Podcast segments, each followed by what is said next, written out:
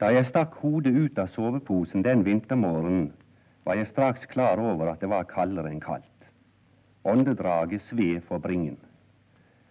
Jeg krøket meg sammen i soveposen, fikk klær, mokasiner og renpesk på meg og steg ut i den stjerneklare morgenen. Omkring meg lå Nord-Canadas endeløse villmark. Stille og hvit gled skogen hen. Der sto sleden, og ved den lå hundene mine sammenrullet i sneen med snuten under halen. Nu og da gikk det hutrende rykninger gjennom dem. Kulden gikk til marg og bein. Jeg hugget ved og slo floke. Jeg tente bål og slo floke. Jeg slang noe te og tørrkjøtt i meg og slo floke. Jeg stillet meg så nær bålet at pesken begynte å svi og slo floke igjen. Jeg trakk frem pipen som frøs etter to-tre drag. En slik besatt kald morgen har jeg aldri vært med på.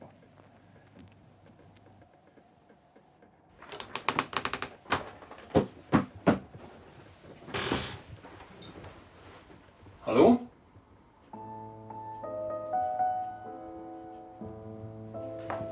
Hallo?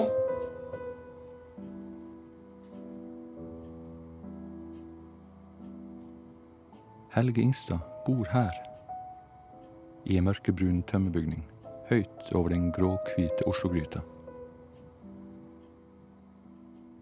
Det er en tidlig februardag i 1998, og Helge Ingstad er en svært gammel mann.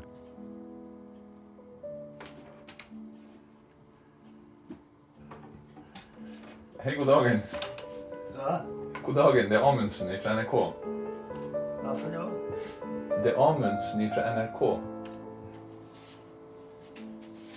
Han støtter seg på krykker. Krumrygga, hvithåra.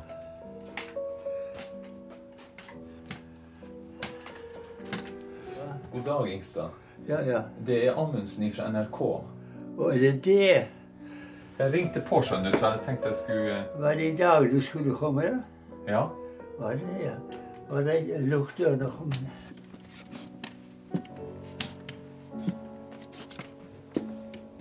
Han bor alene nå, etter at kona Anne Stine døde av kreft for tre måneder siden.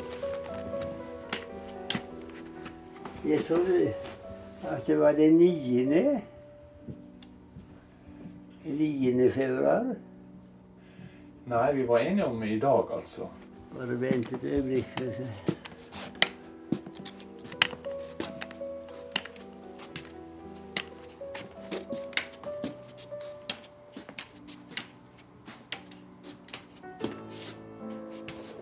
Ingstad forsvinner inn på arbeidsrommet for å sjekke om det virkelig var i dag de hadde avtale.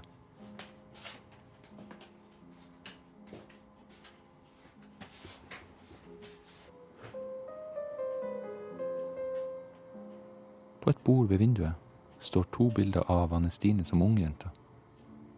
Da hun var 15 år, ble hun så betatt av Helge Ingstad etter å ha lest boka han skrev om livet som pelsjeger i Nord-Canada, at hun sendte et brev til han. Det ble mange flere brev før de i 1941 gifta seg. Da var han 41 år, hun 23. Nå er han alene. I en fart selet jeg hundene opp, spente sneskoen på og av sted badet inn etter skogen. Så kom jeg til en elv som måtte krysses. De er lumske, disse kanadiske elvene, selv midtvinters. Ofte hender det at sneen faller på den tynne nyisen om høsten og blir liggende der som et beskyttende lag mot kulden, slik at isen holder seg skrøpelig og farlig selv om det blir aldri så kaldt. Forsiktig våget jeg meg utpå mens jeg prøvet meg frem med øksen. Det hendte i et blunk. Isen brast, og jeg lå der og plasket i elven. Jeg hugg fast i iskanten, som brøt unna for unna, men strømmen presset på slik at bena svang inn under isen. Jeg var til slutt dødsens trett og så ingen utvei da jeg fikk øye på en utoverhengende vidje ikke så svært langt borte. Jeg hugg de valne fingrene i iskanten og brøt med vei inn til vidjen, fikk tak og halte meg i land. Nå gjaldt det å rulle seg i sneen slik at mest mulig vann ble trukket ut før alt frøs. Så sto jeg opp og ga meg til å løpe tilbake mot min siste læreplass, som lå ca. 20 minutter unna. Hundespannet fulgte i hælene på meg. Jeg hadde ikke løpt langt før klær og mokasiner var frosset til en eneste stiv rustning av is. Da jeg nådde lærplassen, hopet jeg ved sammen og laget et flammende bål. Men da jeg tok strømpene av, gjorde jeg en oppdagelse. Alle mine tær var frosne. Steinharde og hvite var de. Slikt er en alvorlig affære når man ferdes ganske alene i villmarken. Frosten må ut, ellers går det koldbrann i kjøttet.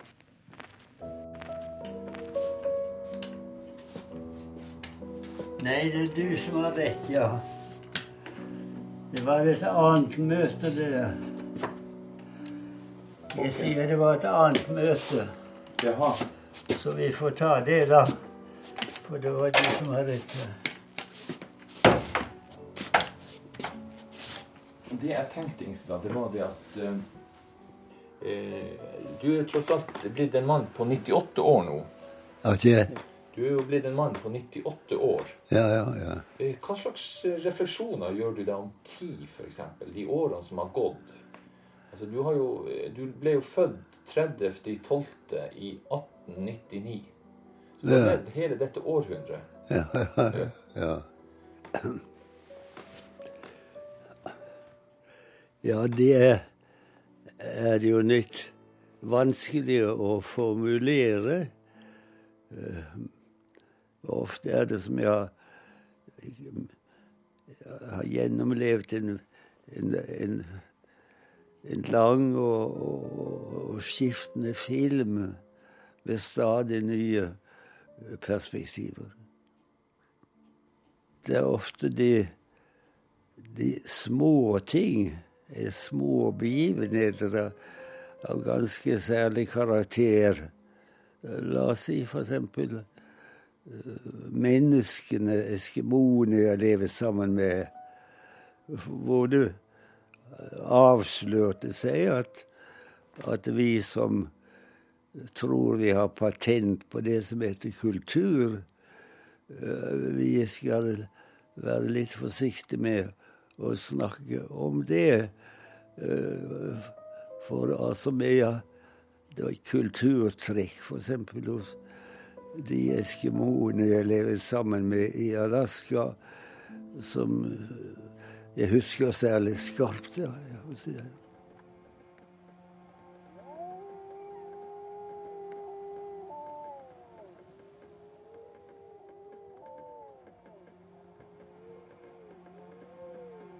Da jeg skulle se efter neste morgen, nyttet det ikke å lure meg selv lenger. Høyre stortå var og ble frossen. En uke senere gikk det koldbrann i tåen. Den ble svart, luktet ikke bra, hadde kort sagt tapt meget av sin gamle sjarme. Det ble nå til at jeg måtte se å få en ordning på saken. En stortå er jo ikke så forferdelig viktig, men allikevel bra å ha. Jeg fikk se å komme meg østover til en indianerleir som jeg visste om. De drev jo på med alskens primitiv medisinsk vitenskap. Kanskje kunne jeg få hjelp der. Efter en ukes sledereise nådde jeg frem til indianerleiren, en klynge telte nede ved et vakkert skogomkranset vann.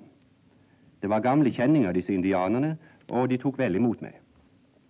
Da jeg viste dem tåen min, lo de godt, for efter deres mening var det latterlig å forfryse seg.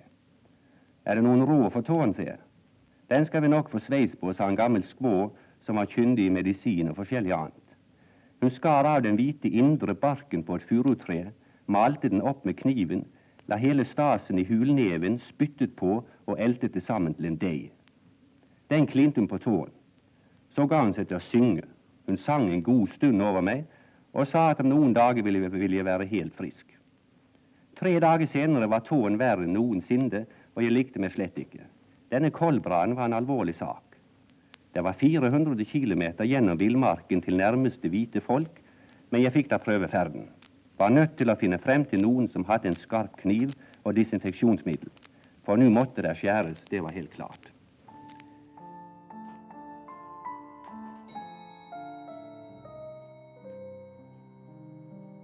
Jeg ville kort og godt leve slik som jeg selv ønsket det. Og det som var viktig for meg, det var naturen og, og, og det ukjente. Og det som var opprinnelig ved denne kloden. Altså finne frem til det som hadde vært. Det som ennå ikke sivilisasjonen hadde, hadde trampet henover, og som den fortsetter med å, å trampe på og ødelegge. Det var i 1926. Han var 26 år, med egen advokatpraksis i Levanger. Og så bare dro han fra alt. Og satte kursen inn i det ukjente. I fire år levde han som pelsjeger nord i Canada. Jeg levde jo ennå en tid og var så heldig at det fremdeles eksisterte. ikke sant? Hvite flekker på kartet. Den trangen der var sterkere for meg til å, å, å finne frem til enn å bli et, et kontormenneske i sivilisasjonen. Og det var ikke om å gjøre å komme til noen Nordpol, men det var selve det å komme til det urørte og, og naturen og de primitive menneskene. Ja,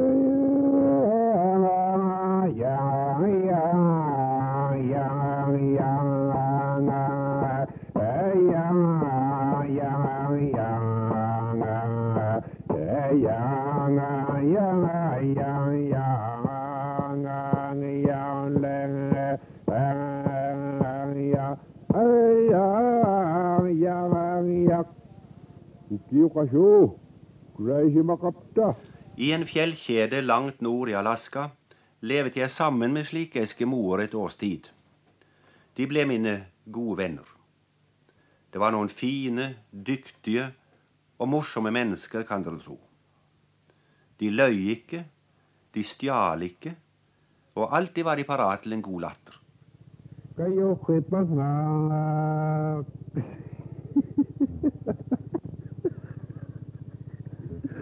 Take it again. Say it again. Wait a minute, wait a minute.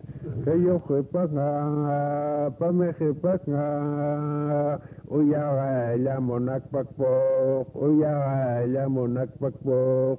Abatang ilunga lo kulang ilunga lo pihinga. Woohoo, woohoo. Tap ko itpay ka itpayigil malok, shat nilo kivlilo. Om kvelden satt jeg gjerne sammen med jegerne i storteltet. Da ble det pratet om jakt på villrein, bjørn, ulv og fjellfår. Så kunne en gi seg til å fortelle forfedrenes gamle historier. Et menneske kunne bli forvandlet til en ørn eller til en villrein. En medisinmann kunne forlate sitt legeme og flyte værs. For den tiden jeg levde der oppe i de fjellene, bruksreins i de fjellene ca. 1000 meter over havet, med den lille flokken der på 70 mennesker. Og da hadde jo jeg, i den tiden jeg var der, tatt opp på lydbånd uh, sanger og, og, legender. Stort, rikt materiale. Så jeg hadde altså, var jeg faktisk den eneste som hadde uh, reddet deres, disse tingene fra deres gamle kultur. He will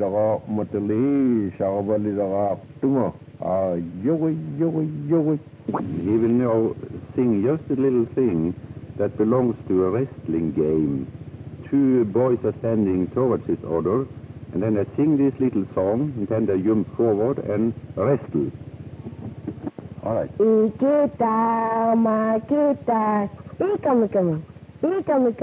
Og så plutselig, for 40 år etter, ringer det telefonen her på mitt hjem, og så er det en som sier hallo. Og så viser det seg at det er sønnen til han som var lederen, Eskimo-lederen, het Paneak den gangen, som ringer fra disse fjell. Og da har det hendt at etter at oljen ble funnet lenger nord, på Prudhoe Bay-området, så kom det så mye penger til Alaska at det også kom eskimoene til gode. Og dermed, det førte da til at det i gammel tid ble sprengt, ble flyttet inn med fly, flyttet inn og bygget hus. Og, og de fikk hele denne kulturinnslaget, vårt kulturinnslag, slo nedover dem. Og, og, og, drepte, kan man si, den gamle kultur. Og det går fort. Og det er jo noe, er jo noe forferdelig på en måte.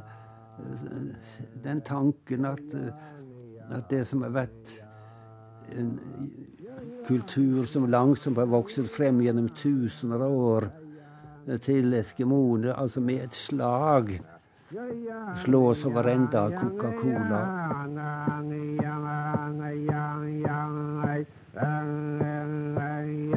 Ja vel, så sa de ville forsøke å, å få samlet det som hadde med deres kultur å gjøre. Og nå var de så interesserte at de hadde bygget seg et lite, liten tømmerhus som skulle være deres museum.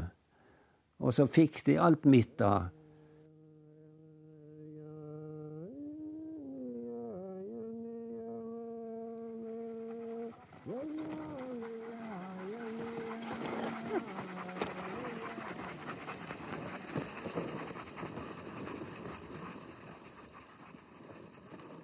Med to hundespann stryker Andersen og jeg inn gjennom det mørke vinterlandet.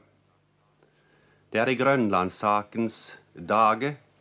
Med en ekspedisjon på fem mann overvintrer jeg ved kong Oscarsfjord, fungerer som sysselmann for de områder av Øst-Grønland som var okkupert av den norske stat.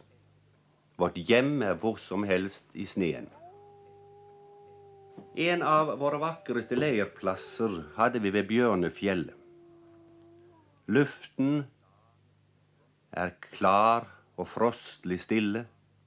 Dypt nede dreier seg Flemmingfjordens isteppe med skrugarder under en fullmånes dempete overlys. I syd skimtes gulbleke fjell. Hundene ligger bundet langs vaieren foran teltet, blir nesten borte i dypsneen. Plutselig og uten påviselig grunn setter de seg opp alle ti, og av fulle lunger gir de seg til å hyle mot måne og natt. Da brant det i oss at dette var livet. Glemt var de solfylte land, de veldekkede bord, og glemt var Ja, nesten glemt var kvinnen med det skjelmske smil.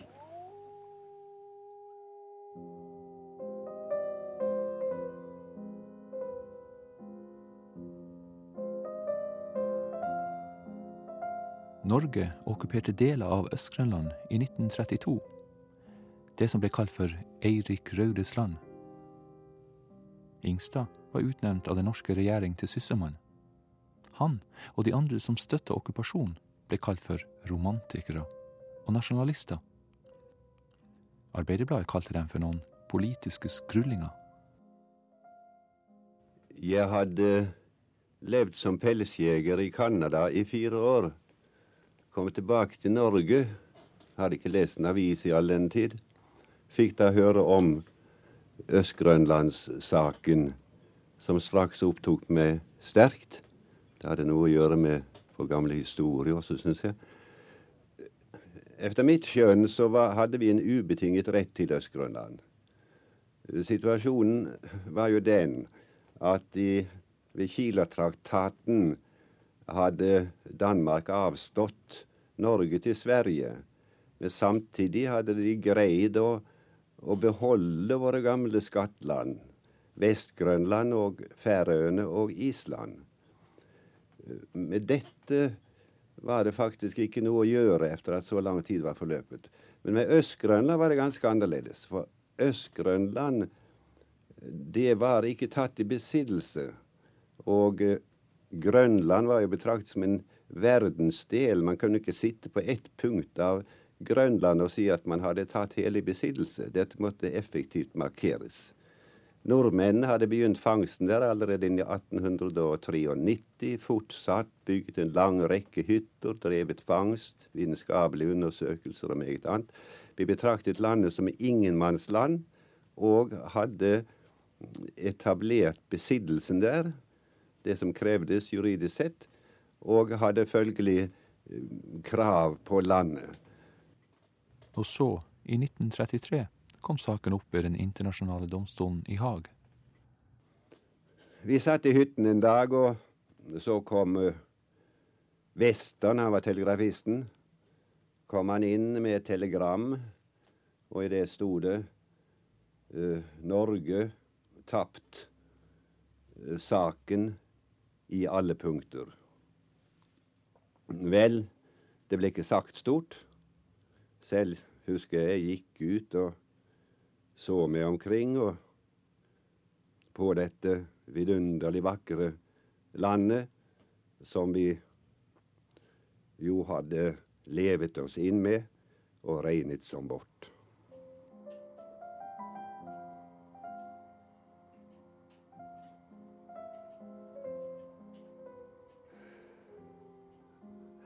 Jeg går ikke rundt og er jo irritert over sånne gamle ting.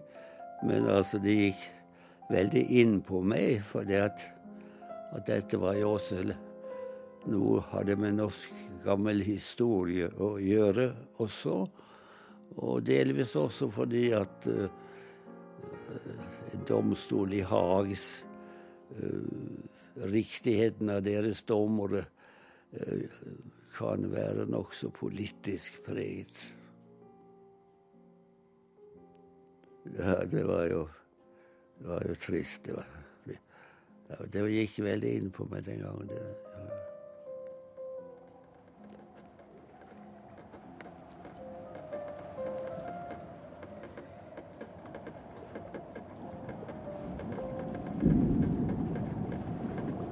Det er mørketid på Svalbard. Den nakne, bredfylte øygruppen oppunder Polen. Året er 1933, og Ingstad er sysselmann på Svalbard. Over det norske grubesamfunnet hviler en egen fortettet stemning. Man har det bra, tilsynelatende rolig, men under overflaten er nervene mer ømfintlig enn den gang solen red over fjellene. Dypt inne i fjelltoppen på den andre siden av dalen kryper gruvearbeidere omkring i det frosne fjell. Lyset fra lampene de bærer på luene, faller urolig over skinnende kull. Det er stilt som i en kirke der inne. Unntaket når det elektriske lokomotivet kommer larmende med en hale av kullvogner efter seg. Det var veldig lave sjakter der. Ja. Jeg tenkte så ofte på at det måtte være jævlig tungt arbeid. arbeide. Gruvearbeiderne ble eh, ikke behandlet det på en demokratisk måte den gangen. Det var, eh, det var en levning fra amerikanerne, som jo var nokså diktatoriske. Og det gikk igjen hos, eh, hos de norske sjefene etterpå. Men gjennom blesten hører jeg tonen fra taubanens vaier over Longyearbyen. Den dype, dirrende lyd som fra en cello. Det er bra, det der. Har de glemt meg der oppe? eller? Nei, de har ikke glemt det, vet du. Ikke det? Nei.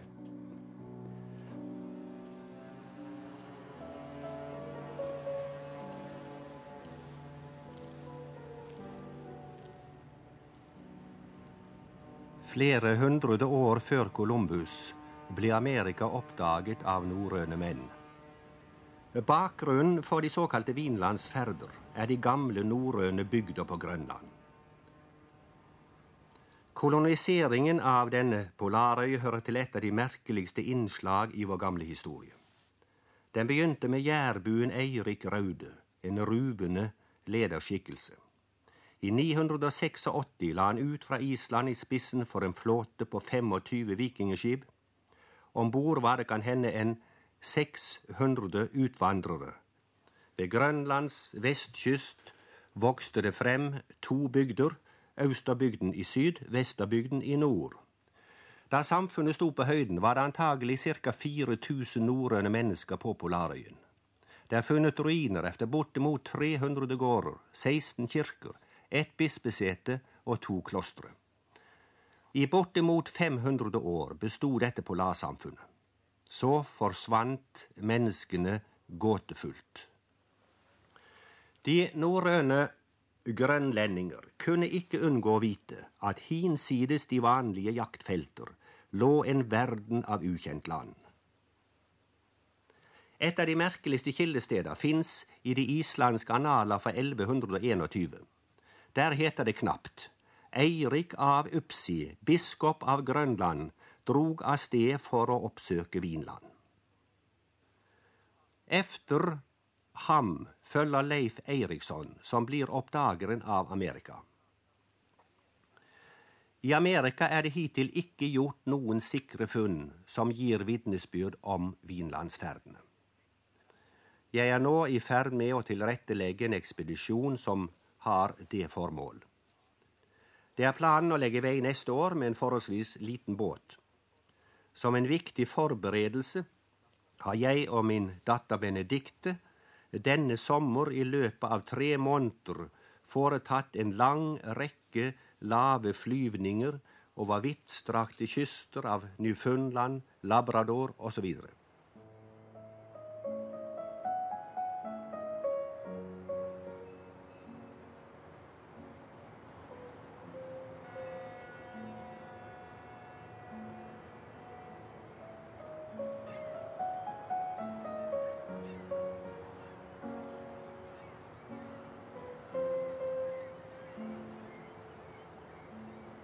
Det var i 1960 Helge Ingstad gjennomførte de første undersøkelsene langs Labradorkysten og Newfoundland. Og året etter, i 1961, var det igjen vestover til det norrøne Vinland. Til en liten fiskelandsby lengst nord på Newfoundland. Her hadde Ingstad året før kommet over noen overgrodde tufter som hadde pirra nysgjerrigheten. Kona Anne Stine var med. Hun var arkeolog og leda utgravingen.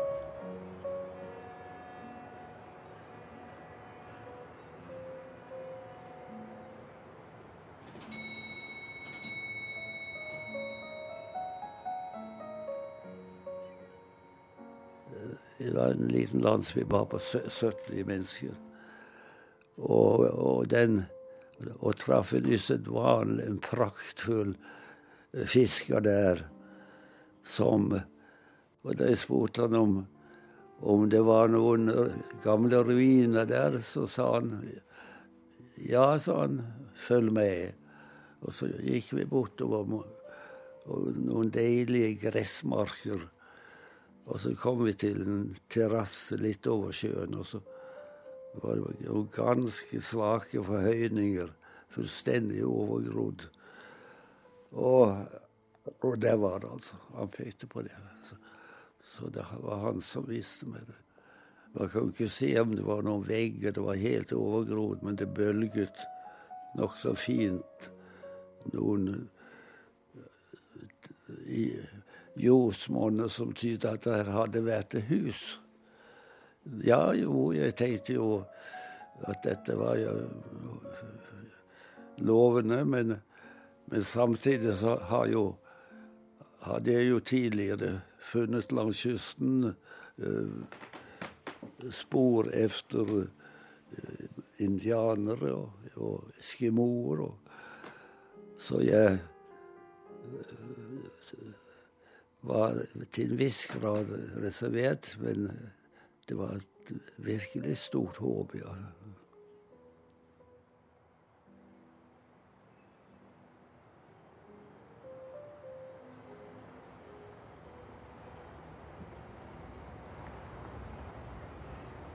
Vi er om bord i Stavangerfjord, som nå er på heimtur fra New York og nærmer seg Oslo.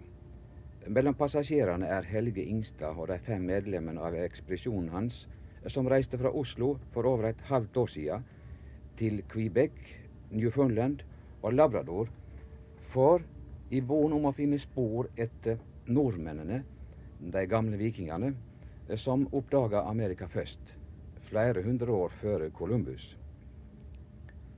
Det er allerede kjent gjennom verdenspressa at resultatet av denne ferda vart storveies. Ja, en kan si sensasjonell. Nå vil jeg spørre Helge Ingstad, hva var det du oppdaga da? Vi oppdaget uh, det som sagaen kaller for Vinland. Og i dette Vinland uh, der uh, var vi heldige nok til å finne hustuftene til de norrøne menn som slo seg til der for så lenge siden.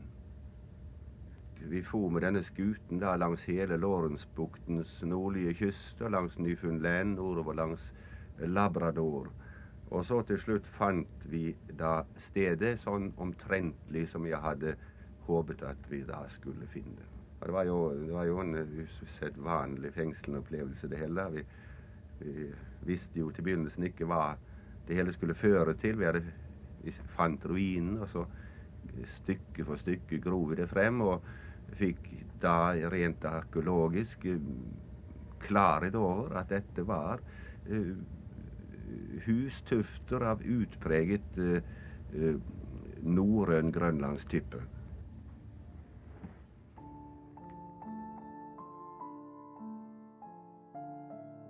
Der kom jo til et, et, et stikk motsatt resultat av det som var blitt eh, så å si en bibel gjennom et par hundre år.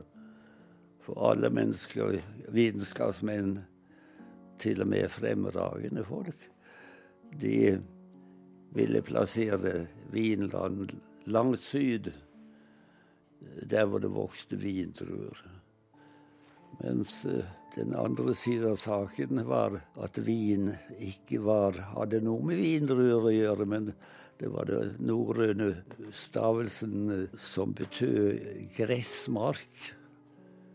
Og det har jo vært eh, en spennende tid.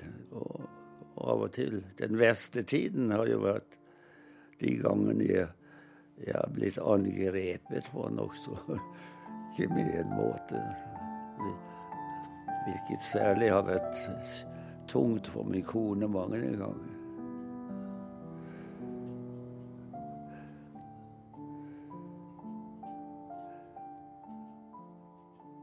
Jeg er så vidt kommet tilbake fra min ekspedisjon til Nord-Amerika sammen med mine um, kamerater og min kone, som har vært arkeolog. Ikke knapt nok har jeg sagt foten på norsk grunn når jeg kommer tilbake, eh, så får jeg en ganske eiendommelig hilsen eh, fra det vennlige naboland Danmark, hvor jeg har eh, så mange venner, og et land som jeg setter stor pris på. Det er fra museumsinspektør dr. Russell. Det er et besynderlig, sjikanerende angrep som i ganske særlig grad går utover min kone, som er eh, ekspedisjonens arkeolog, og som for øvrig i disse dager har fått en ubetinget uh, anerkjennelse av professor Bjørn Haugen ved universitetet for sine kvalifikasjoner. Da får vi plutselig dette kastende mot oss. Det var aldeles uforståelig. Ikke minst fordi vi har jo ikke fremlagt vårt arbeidet. Vi har jo ikke gjennomgått vårt materiale. Ikke noen ting. Eh, så kommer dette. Nettopp nå har han øket uh, sin kritikk i en ganske utrolig grad. Og det, det siste er nå det at, at de ruinene jeg har funnet, de er ikke norrøne. Det er sannsynlig at de er etter spanske sjørøvere som har slått seg til der i Vinland. Nu vel. Jeg er meget snart ferdig med den sak, og, og, for meg spiller det ikke så stor rolle, bortsett fra jo dette har gått verden over, og kastet en viss skygge over selve hederligheten ved ekspedisjonen. Men det ser jo ut som man legger an på å gjøre det vanskelig for ekspedisjonens arkeolog, min kone. Så til slutt så vil jeg da bare håpe at vi nå får fred eh, til å arbeide. Når dette arbeidet er ferdig, så skal det være meg en glede å komme tilbake til doktor Rusells teori om de spanske sjørøvere i Vinland.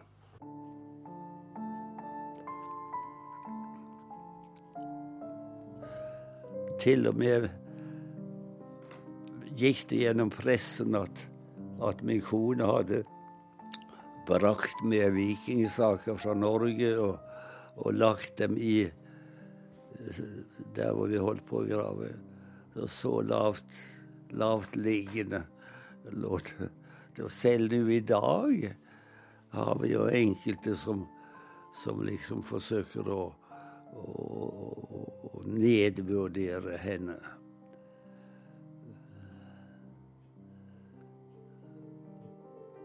Og lå der da, kunne ligge der dag efter dag på knær og grave centimeter for centimeter eh, i regn og blest. Så fisken der borte var helt imponert over henne. Ja. Og, så det var jo Og det viste seg jo nå, etter hennes død, har, han jo fått en strøm av av eh, utenlandske eh, anerkjennende skrifter, avisinnlegg. Til og med New York Times hadde jo nesten en hel side om henne.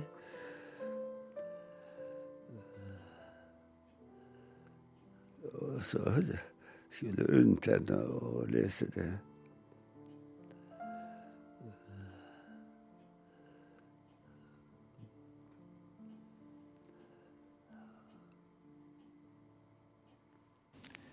Jeg drog i vei sammen med en indianer. Sjansen for å nå frem til folk før det ble rent for galt med tåen, synes imidlertid mindre dag for dag. Indianeren tilbød sjenerøst å hugge tåen av med øksen, men jeg avslo høflig. Så sa han, ikke skjønner jeg hvit mann reise så mange søvn for å miste en tå når vi har både øks og flåkniv her. Om kvelden slipte han øksen ved bålet. Men så var det at hellet var med meg på en ganske merkelig måte. Midt inne i villmarken råket jeg på korporal Williams av The Royal Mounted Police, som var på inspeksjonsreise. Han var en grei kar som jeg kjente fra før. Da jeg fortalte om tåen, smilte han forventningsfullt. Saken var at det morsomste korporal Williams visste, var å skjære av tær. Mang en forfrossen pelsjegers tå hadde falt for hans kniv, og hans siste bedrift gjaldt stortåen til gamle Klondyke Bill. Den tåen hadde Williams på sprit, og ellers samlet han på tær, akkurat som andre folk samler på frimerker. Kort sagt, han var glupsk på tær. Vi satte oss til ved et bål, og Williams halte frem medisinkisten sin. Men så var det at jeg måtte bedrøve ham. Jeg sa, skjær av den svarte tuppen, men ikke mer. Williams protesterte voldsomt og krevet hele tåen, og skildret hvorledes koldbrann kunne bre seg opp efter foten, låret, brystet. Kort sagt, jeg var praktisk talt en død mann hvis han ikke fikk hele tåen. Men jeg holdt på mitt, og Williams måtte så nødig han ville nøye seg med å sneie av en pasjon av tuppen som han foraktelig kastet til mine sultne hunder. Resten av tåen frisknet senere til, og jeg har, har den den dag i dag, skjønt den har vært et smertens barn gjennom mine mange år i polarstrøkene.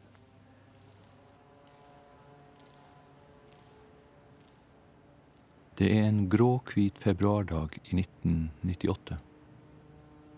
Sneen jager skrått fra de høye trærne.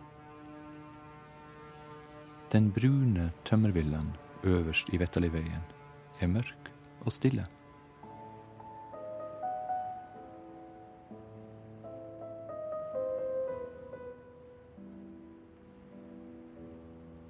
Et velbrukt hundehus står tomt ved siden av trappa. På trappegelenderet henger et avpella fuglenek.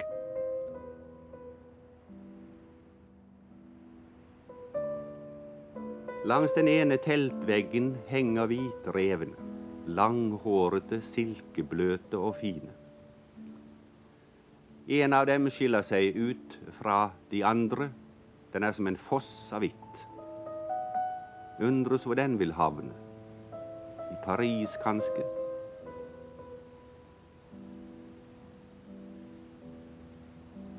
En skinnende bil svinger opp foran l'Opéra de Paris. En ung dame stiger ut, svever oppover trappene. Om den nakne halsen bruser et hvitrevskinn. Det er mitt. Ja, den som var et hvitrevskinn.